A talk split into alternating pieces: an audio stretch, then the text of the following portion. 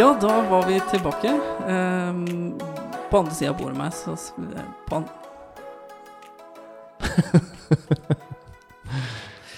Da var vi tilbake, og på andre sida ved bordet hos meg oh, Jeg sliter i dag, det får bare være. Det får får bare være. gå. Jeg, Ja. er ikke- jeg er ikke kjent for en veldig god uttale. Men i hvert fall så, så er vi tilbake med en uh, ny podkast. Fridtjof Heierdal, du sitter på andre siden ennå. Av bordet? Ja. Skal du ha med kaffe, eller er det greit? Nei, nå, jeg har mettet reseptorene. ja, det er bra.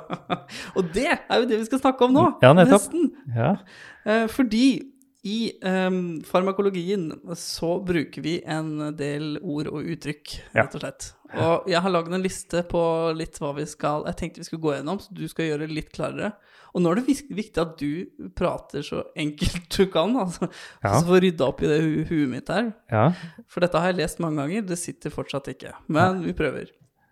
Um, vi snakker om farmadynamikk og farmakinetikk. Ja, nesten, for vi snakker om vi, Ja, vi kan begynne. Vi snakker om farmakodynamikk Farmakodynamikk. og farmakokinetikk. Ja. Ja. Eh, hvis man slår opp et legemiddel eh, i Felleskatalogen eller andre steder, så, så kommer man bort til de ordene der, og så klør man seg i huet, og så tenker man at det har helt sikkert relevans, for det er helt sikkert med hvordan det legemiddelet påvirker oss å gjøre. Og det gjør det. Men forskjellen på de to, det er at farmakokinetikk, det er hva kroppen gjør med legemiddelet. Altså hvordan, vi, hvordan kroppen bryter det ned og sender det rundt omkring. Og mens farmakodynamikk, det er hva det legemiddelet gjør med kroppen. Ja. Altså hvilken virkning det får klinisk. Så det vil si at eh, når vi skal eh, måle farmakokinetikk, så tar vi typisk da serumkonsentrasjoner fra, fra det og, og følger det liksom med regelmessig serumkonsentrasjon, så ser vi endringene der. Da kan vi si noe om hva kroppen gjør med legemiddelet ved å måle det legemiddelet som er tilgjengelig. For legemiddelet, hvis vi spiser det, så skal det jo først tas opp av eh, mage-tarmsystemet vårt, altså en absorpsjon. Så er det en absorpsjonsfase hvor det øker i, tilgjengeligheten i plasma. Og så, eh, så da får man liksom eh, i løpet av de første ja, 20 minuttene kanskje en, en stigning i konsentrasjonen. Og den kan jo vedvare, særlig hvis det er preparater som er kapsla inn, sånn som altså sånn slow release eller entrotabletter og sånn. Da kan jo den fasen gå over lang, lang tid, da. Ikke sant, mange timer. Da får du en stigning i konsentrasjonen, og så begynner jo kroppen å gjøre noe med legemidlene, nemlig å distribuere det. Kanskje det er da fra plasma så distribueres det ut i vevet.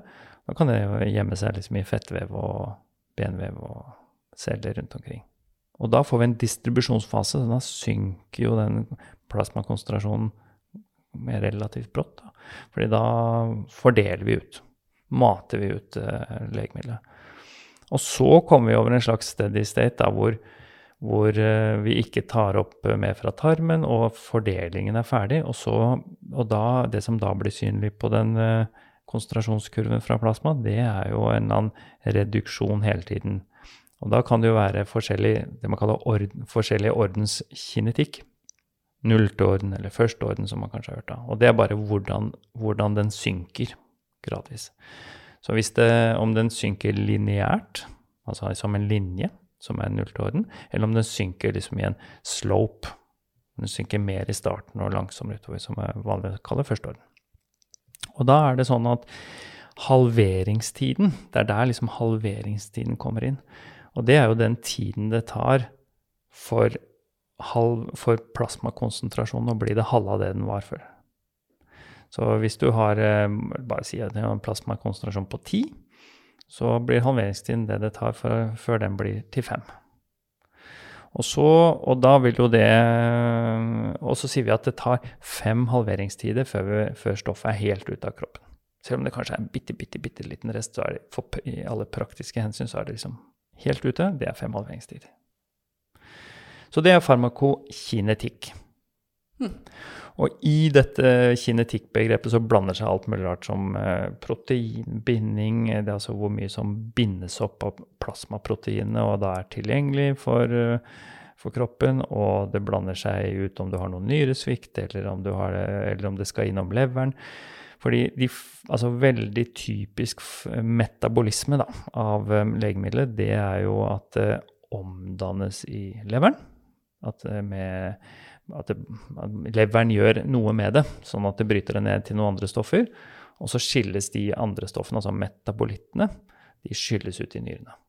Så leveren gjør det mulig for nyrene å skille ut stoffet. Så det er liksom de to organene som er hovedorganene i den kinetikk-biten. Hva kroppen gjør med legemiddelet. Og så kommer det til det andre begrepet, farmakodynamikken. Og det er hva legemiddelet gjør med kroppen. Og der er også masse forskjellig. Men det typiske kan være at det enten virker på en reseptor, og det vi kommer mest bort på der da i prehospital virksomhet, det er jo opiater. Heroin. Det virker på opiatreseptorene. De er, det fins mange av dem, Ami og Kappa og Tetta og sånne ting. Men det, det, er jo interessant nå. Altså, men at det virker på en reseptor, da er det liksom når det fester seg ett molekyl på reseptoren, så skjer det noe med reseptoren. Og så mm, får vi smertelindring og slutter å puste og alt det der som vi kjenner til. Mens en annen virkningsmekanisme på andre stoffer det kan være at det virker ned på jonekanaler. Altså vi har jo natrium-kalium-kanaler eh, f.eks. i hjertet. Og hvis noe virker på dem, så kan det være at jonestrømmen blir raffisert. Det er ikke det samme som en reseptor, men det er bare en annen cellevirkning. Og så kan det være at stoffet i seg selv er toksisk, at det, bare, at det ikke gjør noe med reseptor eller jonekanalen, bare at det er farlig, at det ødelegger cellene. Og så kan det være at det blokkerer en transport.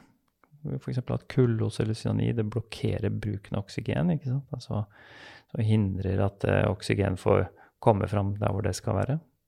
Som eksempler på hva stoffet da gjør med kroppen, altså farmakodynamikk. Og det måler vi jo i dynamikken, det måler vi ikke ved å måle konsentrasjonen av stoffet, det måler vi med klinisk effekt. Så f.eks. et farmakodynamisk mål for opiater, det kan være pustefrekvens eller metning. Og for en blodtrykksmedisin kan det være blodtrykket. Eller for kullos så kan det jo være uh, det oksygen som er tilgjengelig, eller laktat, som er resultatet av å dykke oksygen. Så det er farmakodynamikk, da. Hei, du. Husk at du får alle de rykende ferske nyhetene fra Ambulanse-Norge på ambulanseforum.no.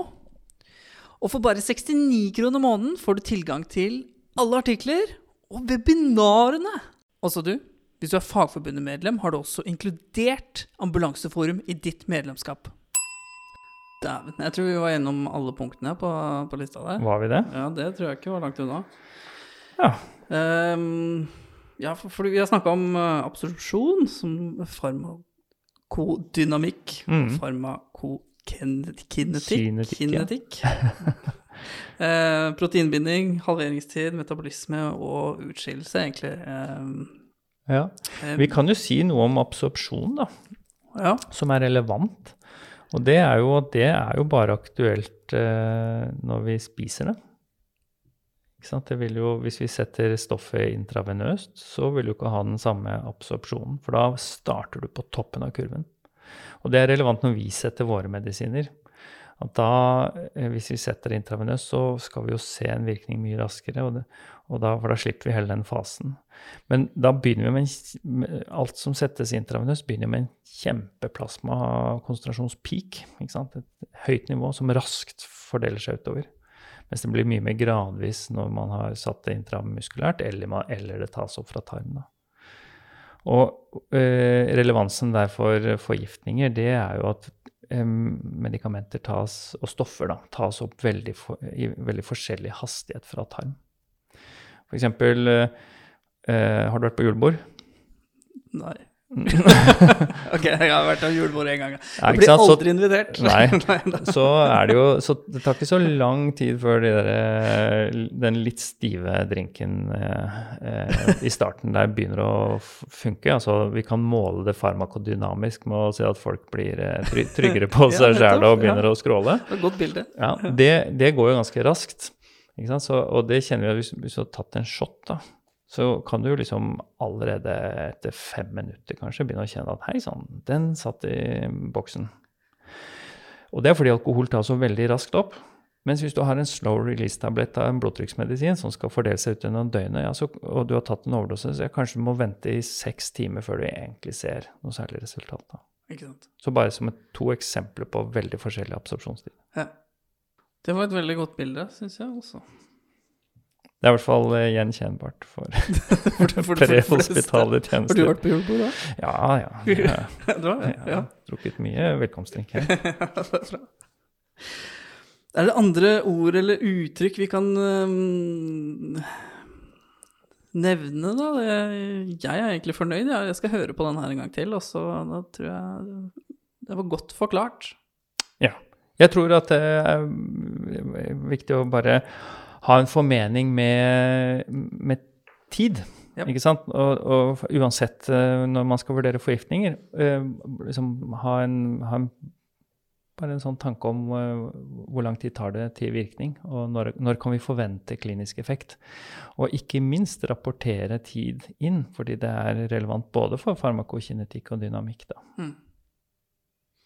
Og forvente også Jeg ble gjort meg hørt, bivirkninger også, Ja. så ikke blir overraska. Ja. Eh, og med virkning så alltid noe bivirkning. Sånn at, eh, eh, men det fins jo i, altså i forgiftninger så kan det jo bivirkninger være så mangt. Og celleskadebivirkninger eh, de kommer jo gjerne sene, mens eh, bivirkning knytta til eh, en reseptor de kommer tidlig. Ja, hva mener du med celleskadebivirkning? Jo, la oss si paracetamol, som vi sikkert skal snakke om senere en gang. Det var en teaser. Ja, det er en teaser. Det, altså, så er jo ikke bivirkningen knytta til det samme som i smertestillende effekt. Bivirkningen er jo knytta til at det er celleskadelig. Ja. Og det kommer langt ut i forløpet. Og det var jo det man Altså historisk, da paracetamol kom, så var det jo en vanlig tabbe å spørre ikke sant? Man ringte kanskje fra ambulansen til meg og sa du, har, har, her har jeg en som har tatt 30 gram med Paracet. Og så svarte liksom doktoren i mottak at ja, Uh, hvordan uh, har han eller hun det, da? Nei, det, kanskje, nei, det er jo egentlig ikke så verst. Ja. Ja, men da går det nok sikkert bra. Og det gjør det ikke. Nei. For det kommer etter to dager. Mens behandlingen bør starte tidlig. Ikke sant? Som et eksempel da, på Ja. at tidsaksen er viktig å vite litt om. Og det var jo en god innledning til egentlig det vi skal snakke i neste podkast. Jeg Ja. tror vi kan runde av dette her. For ja, vi snakka i 12-13 minutter. Jeg tror det er helt supert, Ja. Tusen takk for at du ville rydde opp litt i, i hvert fall hodet mitt. Så tar vi da paracetamol i neste podkast. Herlig.